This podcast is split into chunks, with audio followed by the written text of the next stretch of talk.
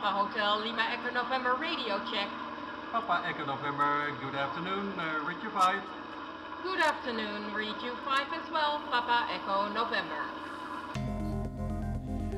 Dit is Radio Moddergat, de wekelijkse bespreking van ontwikkelingen in bizarre tijden. Ja, dat mag je wel zeggen. Een hele goede vrijdagavond. Het is weer zover. Radio Moddergat, een half uur lang met nieuws en actualiteiten. Komend half uur, de overheid zet aan tot geweld. Een column. Uh, we bespreken het boek Oogst van de Angst. Sponsored by Pfizer. Je zult eens zien en horen straks hoeveel Amerikaanse netwerken door Pfizer worden gesponsord. Bij uh, Maurice.nl lezen wij ervaringen uit Berlijn. Nou, dat is ook niet iets om naar vooruit te zien. Er zijn irritaties ontstaan tussen de BPOC, de buitenparlementaire onderzoekscommissie van Jade en Pieter Kuit, en een aantal vrije media. Heel vervelend en daarom gaan we het er ook uh, wat uitgebreider over hebben.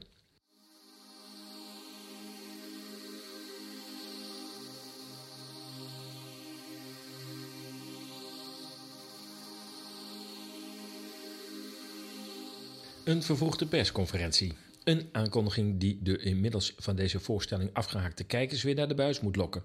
Want de cijfers lopen weer op. Wie had dat dan verwacht, zo richting winter? Extra maatregelen zullen worden aangekondigd. De woede zal door de minister worden gericht op de ongevaccineerden, want de citroen moet tot de laatste druppel worden uitgeknepen. Een overheid die aanzet tot burgerlijk geweld, dat hebben we lang in de Europese geschiedenis niet meer gezien. Complotdenkers, zeg maar zij die onderzoek doen naar de achtergronden van een gebeurtenis, zagen de bui hangen.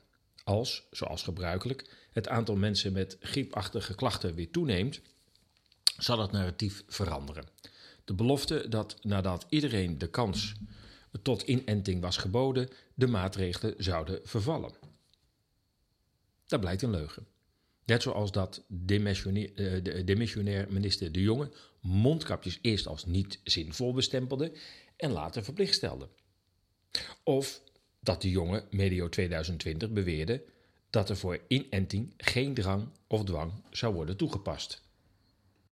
En zo gaat het maar door. Nu het aantal overlijdens, dit keer ook onder relatief jonge mensen, toeneemt, moet de volgende leugen worden bedacht. Want aan het experimentele, nog niet volledig goedgekeurde vaccin tussen aanhalingstekens kan het natuurlijk niet liggen. Die 25.000 gemelde doden in de EU en de 1,5 miljoen gemelde mensen met gezondheidsschade na of door inenting, ja, dat, dat moet aan wat anders liggen. Men schat overigens dat amper 1 op de 10 gevallen wordt gemeld. Nu de ziekenhuisopnamen weer toenemen, zoals altijd in de aanloop naar de winter, gaat het narratief een tweede leven in. Weer wordt gedreigd met de terugkeer van de mondkapjesplicht in de winkels en speciale maatregelen, mogelijk alleen voor niet-gevaccineerden dit keer. Want u begrijpt het al, de niet-gevaccineerden zijn de schuld van de uitbraken. De ziekenhuizen houden echter geen cijfers bij van wie wel en niet is gevaccineerd. Maar de jongen wist het wel. Citaat: De opgenomen patiënten zijn overwegend niet gevaccineerd. Einde citaat. Een volgende leugen kan er ook nog wel bij, zal hij hebben gedacht. Later zal hij, na voorbeeld van zijn manager Rutte, er toch geen actief geheugen aan hebben. De meeste Nederlanders overigens ook niet.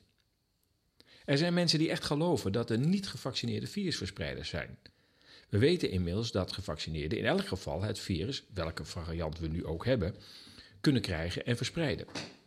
Hoe zit het met niet-gevaccineerden? Hoe moeten we die nou zien? Die groep valt medisch gezien in twee subgroepen uiteen. De eerste groep heeft in de achterliggende 19 maanden al een keer corona gehad.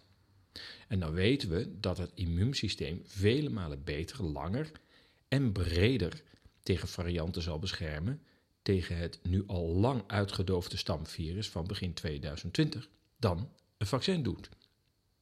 Van deze subgroep gaat dus niet zoveel gevaar meer uit. En zeker niet meer dan van alle gevaccineerden die nog steeds het virus kunnen verspreiden. De andere subgroep van nog niet gevaccineerden heeft in 19 maanden tijd nog steeds geen COVID of een variant daarvan gehad.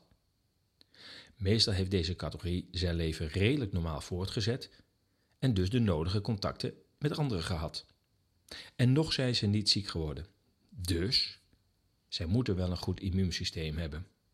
Ook deze groep is als vierde eh, virusverspreiders amper van betekenis. Waarom dan toch die door de minister en mediaal ondersteunde hetsen tegen de niet-gevaccineerden?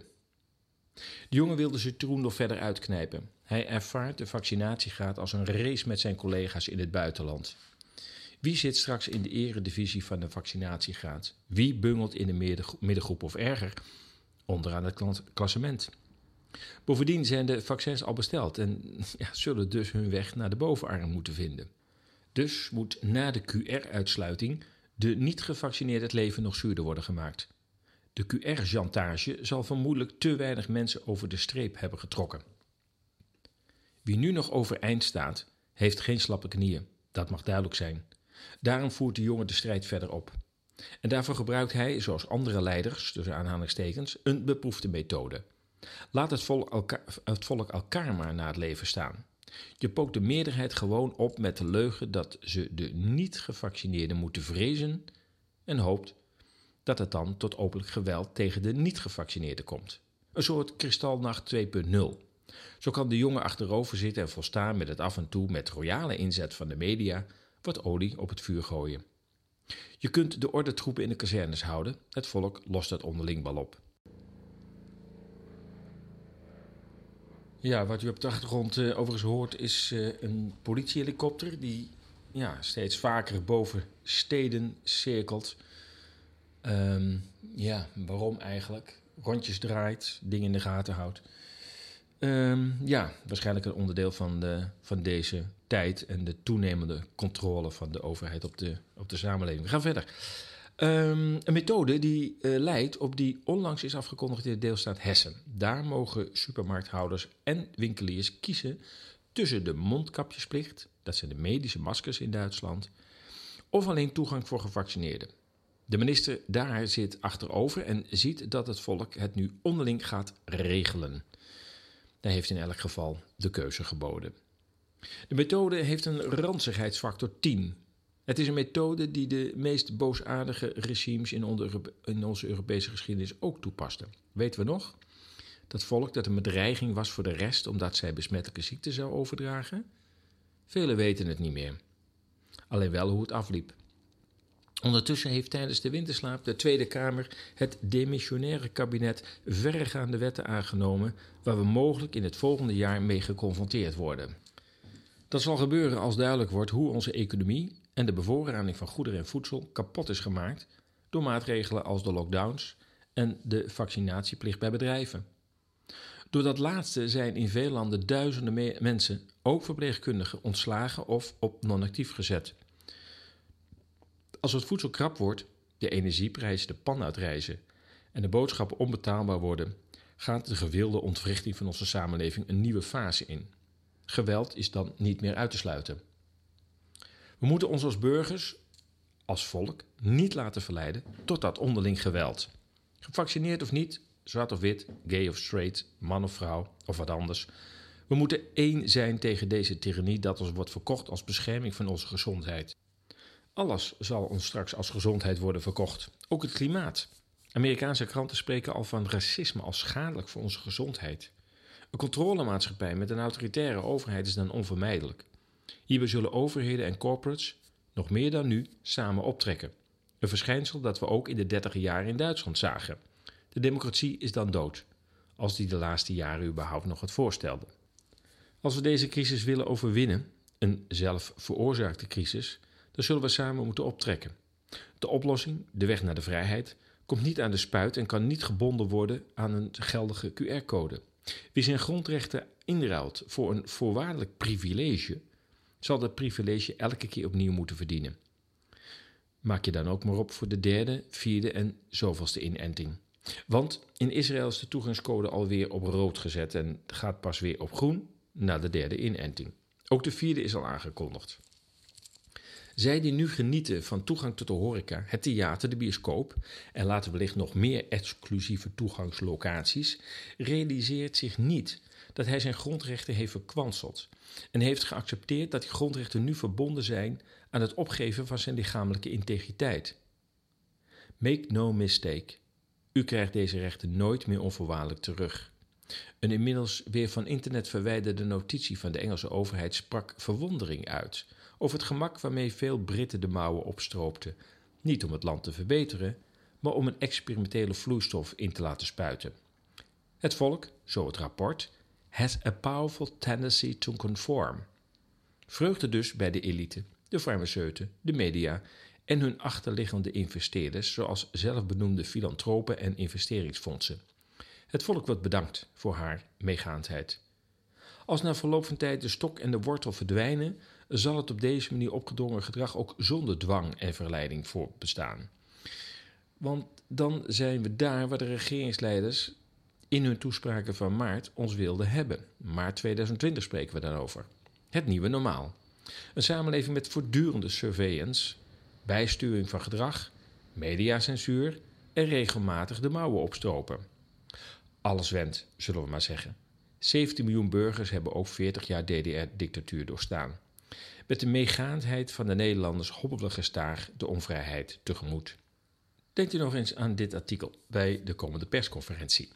U wordt dan bedankt voor uw medewerking, maar een einde aan deze medische tyrannie zal naar verwachting nog lang op zich laten wachten. En geloof me, ook als alle niet-gevaccineerden at gunpoint de mouwen hebben opgestroopt, zal het gekwel van de bevolking doorgaan. Onvrijheid komt tijdens de slaap. Vrijheid is alleen gegund aan de wakkere en de strijdbare.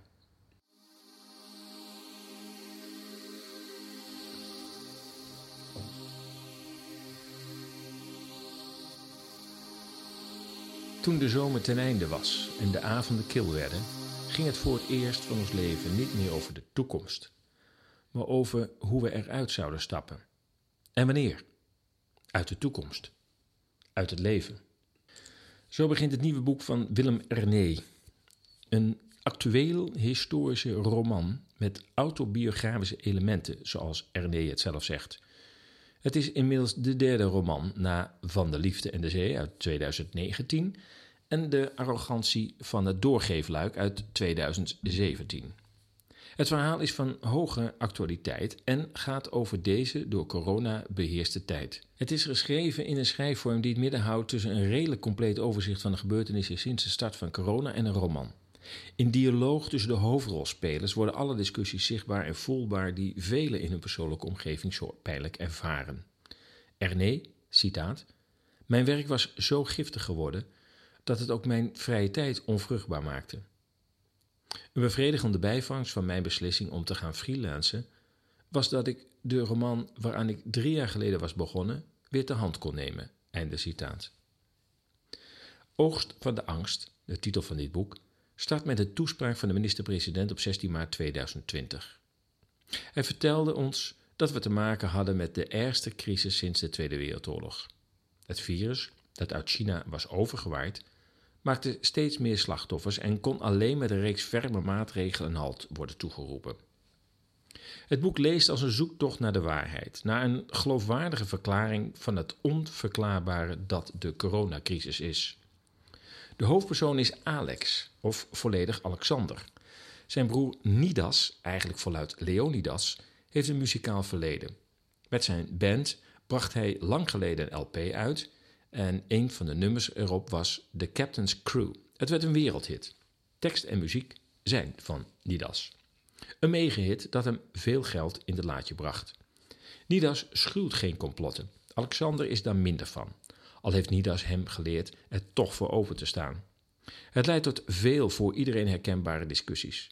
Als Netflix een film uitzendt over een virus, vindt Nidas dat niet toevallig.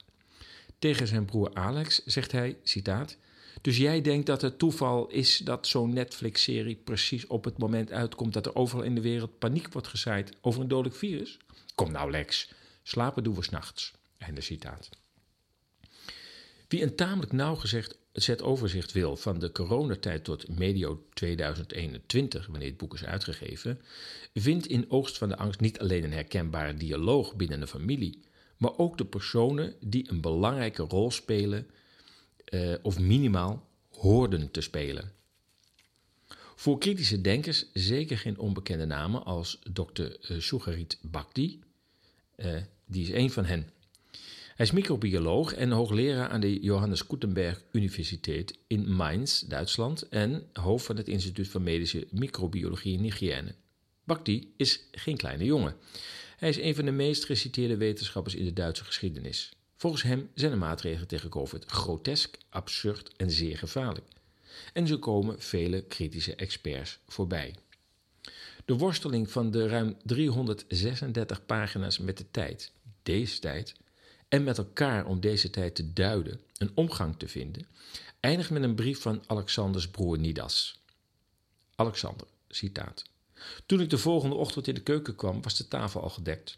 Althans, er stond één ontbijtbordje met mes en vork, een leeg eierdopje met een lepeltje en een ego-kopje met schotel.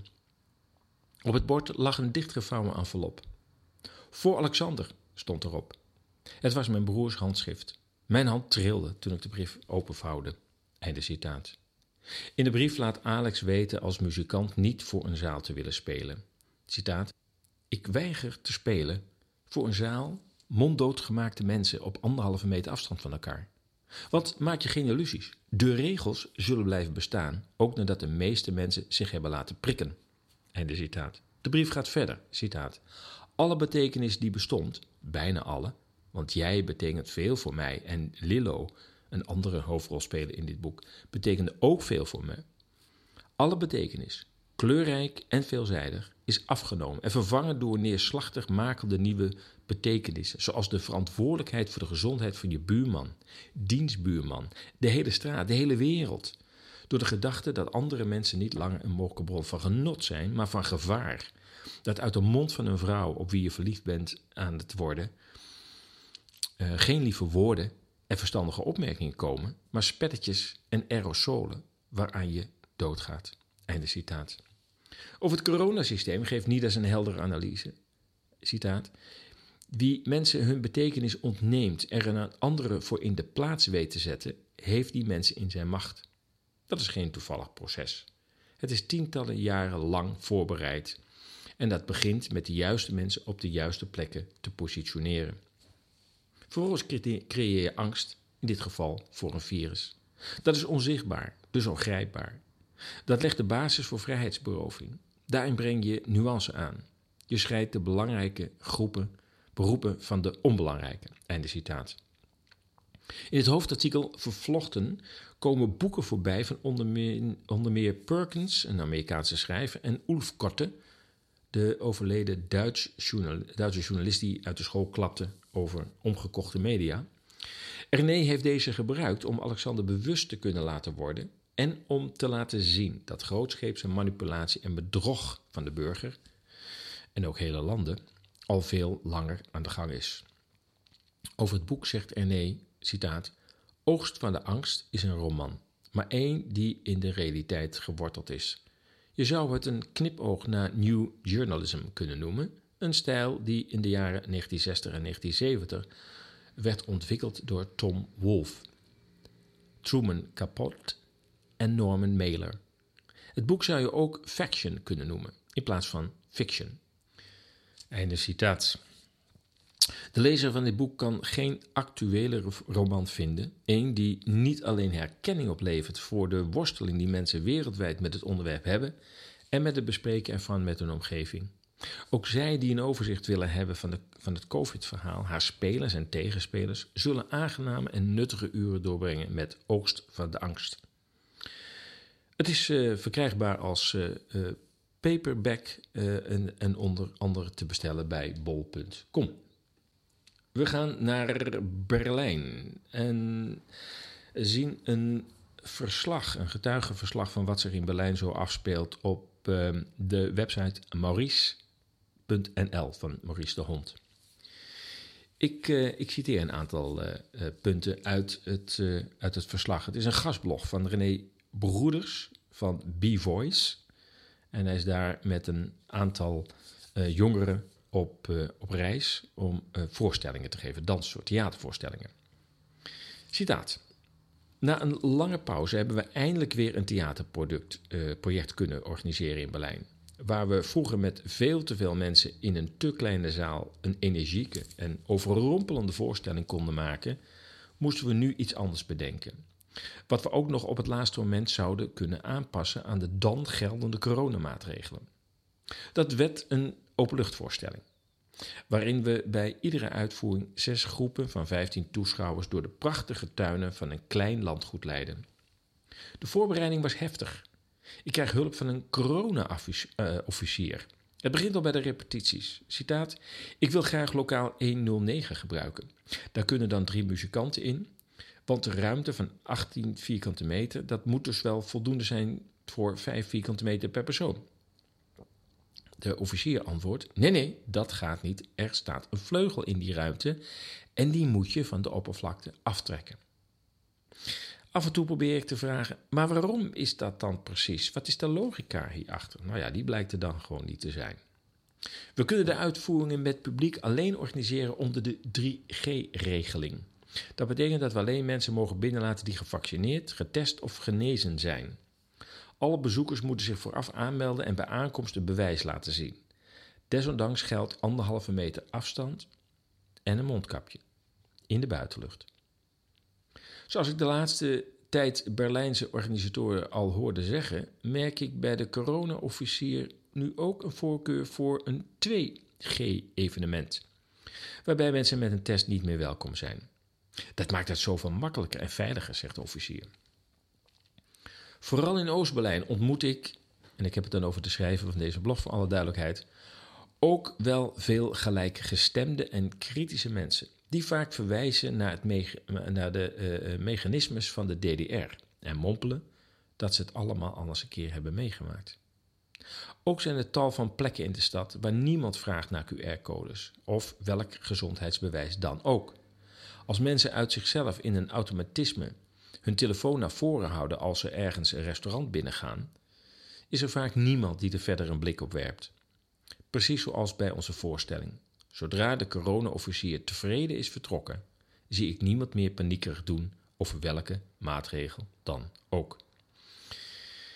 Het is maar een hele kleine uitsnede van een uh, getuigenverslag op de website maurice.nl uh, onder de titel Hoeveel G-krachten verdraagt een mens? Um, ik zou het zeker uh, lezen, dan zie je het complete verslag uit Berlijn. Ja, en nu we het toch over Berlijn hebben. De beroemde kerstmarkten zijn dit jaar alleen toegankelijk voor gevaccineerden. En ook het dragen van een mondmasker is verplicht. Ja, u weet, de kerstmarkten zijn buiten. Testbewijzen zullen vermoedelijk niet meer geldig zijn. Um, ja, kortom, het wordt, uh, wordt steeds gezelliger in die stad uh, die ooit bekend stond als een ontspannen en vrolijke, vrije stad. We gaan alweer naar het laatste item, want um, ja, de, de tijd uh, dringt. We kunnen niet alle onderwerpen behandelen. Ja, het wordt in de tijd van een langere uitzending. Vanaf medio november. Wappies meppen. Uitspraken van de politie bij de BPOC. De BPOC is een buitenparlementaire onderzoekscommissie, een burgerinitiatief om via verklaringen van klokkenluiders achter de echte feiten te komen. Voor dit onderzoek zijn inmiddels 56 politiefunctionarissen gehoord. Om veiligheidsredenen worden de beelden van de verhoren nog niet vrijgegeven. Ja, dat, dat, dat, tonen van de uh, agenten, zeg maar, het naar buiten treden, Um, dat is al diverse malen uitgesteld. Dat loopt al, dacht ik, vanaf begin zomer. Dat de eerste aankondiging daartoe door de BPOC, door Pieter Kuit en zijn dochter Jade, uh, werden gedaan. Het is diverse malen uitgesteld. Uh, bedreigingen aan het adres van de locatie waar de agenten um, zich voor de camera zouden stellen, uh, zouden daarvan de oorzaak zijn. Um, is er nogal wat contact geweest tussen de nieuwe media, zal ik het maar even zeggen, en uh, de BPOC over de vraag wie gaat dit uh, zeg maar filmen. Daarvoor uh, zijn Blackbox benaderd en de Blauwe Tijger. En dat is blijkbaar in beide gevallen niet zo goed afgelopen.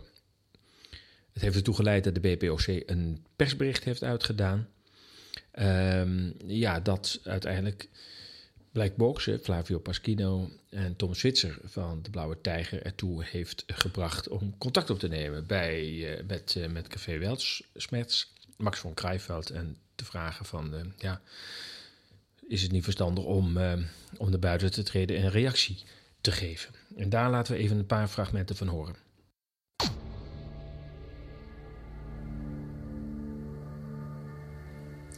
Welkom bij Café Weltsmerts. Ik zit hier aan tafel met Tom Zwitser van de Blauwe Tijger en Flavio Pasquino van Blackbox. Voor jullie allemaal bekenden, voor mij ook. Uh, we zitten hier eigenlijk voor een heel speciale situatie. Uh, er is reuring bij de nieuwe media en daar willen we heel graag wat over zeggen met elkaar. Dit is uh, Flavio Pasquino van Blackbox TV. Nee, maar dat, dat weten nee. we dus niet. Hè? Dus we moeten ook gewoon heel voorzichtig zijn. Nee. Ik ga hier niet roepen dat het niet klopt bij de BPOC. Wat ik vervelend vind is dat er vandaag een persbericht uitgaat... waarin ze eigenlijk uh, de aanval openen en mij daar ook uh, met Blackbox noemen... Um, en, en, en eigenlijk uh, aangeven dat wij... Uh, hier staat uh, dat wij ons eigen aandeel in het af afblazen van het evenement verzwijgen. Ja, ik, ja, ik, heb, ik, heb, ik heb nooit iets gezegd, dus ik kan ook niks verzwijgen. Want ik heb nooit iets geuit. Ik heb nooit iets gezegd over de BPOC. Dus hoe zou ik iets kunnen verzwijgen? Maar feit is dus dat er niemand is buiten Pedro Kuit en Jade Kuit... Mm -hmm die kunnen bevestigen, dus ook niet de Raad van Advies. Ja, dat ook niet. Ja, dat heeft ze niet gezien. Niemand nee. kan bevestigen of die agenten er ooit waren. Ja. Uh, en, um, nee, er is geen materiaal. Ja, dat betekent niet dat ze er niet zijn nee. geweest. Nee. Hè? Maar er is in ieder, niemand kan het verifiëren.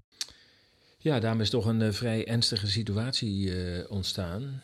de BP's OC, de BPOC, de Buitenparlementaire Onderzoekscommissie, heeft natuurlijk een hele belangrijke rol op zich genomen om uh, ja, uh, zeg maar notulen te maken, vast te leggen wat er nou eigenlijk de afgelopen tijd is gebeurd en hoe verschillende betrokkenen daarover denken. Dat was, de, was ook de, de eerste reeks uh, waar de BPOC mee begon. Een aantal mensen te horen, dat op video vast te leggen. En ook uiteindelijk in een boek uit te geven, dat door de Blauwe Tijger is uitgegeven. Um, ja, toen ging men naar uh, het, het, het, verhoren van agenten. Er zouden 80 agenten een verklaring hebben afgelegd bij de BPOC. Nou, dat is natuurlijk met alle voorzichtigheid uh, omkleed, omdat het natuurlijk nogal wat betekent voor de agenten. Maar ook natuurlijk voor, uh, voor Pieter en Jade Kuit betekent dat nogal wat. dat zal best wel heel veel spanning opleveren. Um, ja, er is natuurlijk hier en daar met, met, met verwachtingsvolle ogen naar gekeken. Van, nou ja, als er dan geen echte parlementaire commissie is, omdat het parlement daar blijkbaar niet in geïnteresseerd is, um, ja, dan moeten we het van de BPOC hebben. Ja, nu dit gebeurt, ja, roept dat wel wat, wat vragen op die misschien helemaal niet um, terecht zijn. Um, maar überhaupt de ruis die nu al is ontstaan is natuurlijk zeer kwalijk. Hè? Vooral ook omdat er ook nog een derde um, reeks van activiteiten door de BPOC is uh, opgezet. Namelijk dat, het, het, melden van bijwerkingen van de vaccins. Hè? Men, men, zegt er dat er zo'n 2000 meldingen in binnen zijn gekomen bij de BPOC. Ja, voordat je weet, wordt overal op een gegeven moment aangetwijfeld. En het is dus zeer te hopen dat, uh, dat de BPOC, dat Pieter en Jade snel naar buiten treden. Niet zozeer in een aanvallende zin, maar wel in de zin van, um, ja, we gaan nu echt met die agenten naar buiten treden. Maar goed, het is een gevoelig onderwerp. het zal voor de agenten ook zeer spannend zijn om naar buiten te treden. Het zal waarschijnlijk ja, niet zonder sancties blijven als hun namen eenmaal bekend zijn bij hun korpsleiding. Um, dus uh, ja, we moeten dit met enige omzichtigheid bekijken. Uh, niemand is schuldig uh, totdat het is bewezen, dus laten we eerst eens rustig afwachten. En kijken waar de BPOC binnenkort mee komt. Ik dacht dat eind november nu er een nieuwe aankondiging ligt. Sommigen zeggen ja dat, is, dat, is, ja, dat is ook wel een moeilijke datum, want we gaan weer een persconferentie krijgen. En wie weet gaan we daar weer het hele riedeltje van vorig jaar gewoon uh, herhalen. Overigens ook wel een beetje pijnlijk natuurlijk, laat eerlijk zijn. Vorig jaar hadden we toch de start van het virus en er waren geen vaccins. En Nu eh, is 85% na officiële cijfers is gevaccineerd. En nou gaan we toch het hele riedeltje van vorig jaar misschien weer herhalen. Dus de vraag is of die eind november met 100 agenten op één locatie eh, mogelijk zal zijn. Nou ja, we moeten het afwachten. Uh, in ieder geval uh, in deze uitzending van Café Weltsmets, die wij laten horen, is dit de conclusie. Wat, de wat, is, wat is de conclusie? Ik, heb, ik kan wel bedenken hoor. Maar... Nou, wat, wat, voor, wat mij betreft is de conclusie dat we, dat we niet kunnen stellen dat er iets niet in de haak zou zijn met de BPOC. Dat ga ik hier ook niet roepen. Ik wil ook niks insinueren. De enige reden waarom ik hier ben is omdat zij uh, zelf het offensief hebben geopend. Dus ik moet wel nu in de verdediging, helaas. Ja. Um, en de conclusie is dat het in ieders belang is dat ze zo snel mogelijk uh, leveren. Ja, de BPOC moet nu leveren, is uh, de eindconclusie. Uh, omdat natuurlijk uh, ja, de media al een paar keer daarbij zijn betrokken en het uiteindelijk weer niet is doorgegaan. we wachten in spanning eind november af. Ja, de media, nou we het er toch over hebben. Um, er wordt nogal, uh, zeker in de, in in de, in de pandemie-situatie, gesproken over beïnvloeding van de media. Um, um, door commerciële redenen. Gewoon omdat er grote financiers achter zitten. soms is dat uh, gewoon niet te zien. Sterker nog, in heel veel gevallen is dat niet te zien. Dat er allerlei sponsorgelden naar programma's gaan. Bill Gates die het gezondheidsprogramma van de BBC sponsort, maar ook de Spiegel flink wat geld heeft toegeschoven. ook wat journalistenclubs in Duitsland. Ja, zo, zo, kun je wel doorgaan. Maar soms is het ook heel erg duidelijk dat de media gesponsord worden. In Amerika wordt dat ook openlijk toegegeven.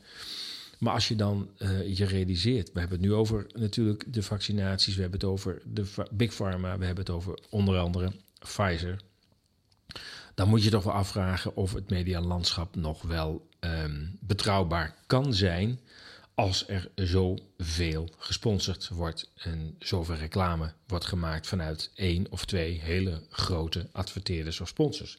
Als voorbeeld uh, een aantal programma's in de Verenigde Staten. Good Morning America is brought to you by Pfizer. CBS Health Watch sponsored by Pfizer. Anderson Cooper 360. Brought to you by Pfizer. ABC News Nightline. Brought to you by Pfizer. Making a difference. Brought to you by Pfizer. CNN Tonight. Brought to you by Pfizer. Early Start. Brought to you by Pfizer. Friday night on Aaron Burnett Out Front. Brought to you by Pfizer. This week with George Stephanopoulos is brought to you by Pfizer. This weather report brought to you by Pfizer. Today's countdown to the royal wedding is brought to you by Pfizer. And now a CBS Sports Update brought to you by Pfizer. Meet the Press Data Download brought to you by Pfizer. This portion of CBS This Morning sponsored by Pfizer. On how to find the hidden sugars in the American family diet. Sponsored by Pfizer. Tja, Ja, ja, ja nou, ik moet bekentenis maken. Ook Radio Moddergat wordt door Pfizer gesponsord. Dus uh, daarom dat we binnenkort naar een uur kunnen. Um, nou ja, oké. Okay, het, het, het, het, geeft aan uh, dat het medialandschap um, ja, niet meer de onafhankelijkheid heeft. Zeker niet in de Verenigde Staten. Maar ook in, uh, in Europa vloeit er natuurlijk geld vanuit grote financiers naar de media. Kijk naar de kranten. en zeker ook een aantal commerciële zenders. En hoe dat met de omroepen zit, dat is, dat is een ander verhaal. Daar kun je niet snel een vinger achter krijgen. Maar geld speelt wel in heel veel gevallen een dominante rol. Dit was het weer um, voor, voor vandaag, voor dit weekend. Um, dank dat je hebt geluisterd naar Radio Moddergat. Um, als je de uitzending hebt gewaardeerd, uh, bezoek dan even onze donatiepagina Elke donatie wordt zeer op prijs gesteld. Uh, lees onze artikelen op ezas.nl, ezaz.nl, enerzijds, anderzijds. Uh, en deel de artikelen en uh, ja, verbreid het woord zoveel mogelijk. Oké, dankjewel. Radio Moddergat wens je een heel prettig weekend. En we horen elkaar volgende week vrijdag weer. Tot dan. Papa Hotel Lima Echo November Radio Check. Papa Echo November, good afternoon, uh, read you 5. Good afternoon, read you 5 as well, Papa Echo November. Enerzijds anderzijds, zoek naar nieuwe inzichten in actuele thema's. De massamedia die lang werden vertrouwd, hebben dat vertrouwen bij velen verloren. Enerzijds anderzijds wil met haar berichtgeving meer balans brengen in actuele onderwerpen. Lees onze berichten en artikelen op ezas.nl. Laat ons uw mening weten en deel onze artikelen.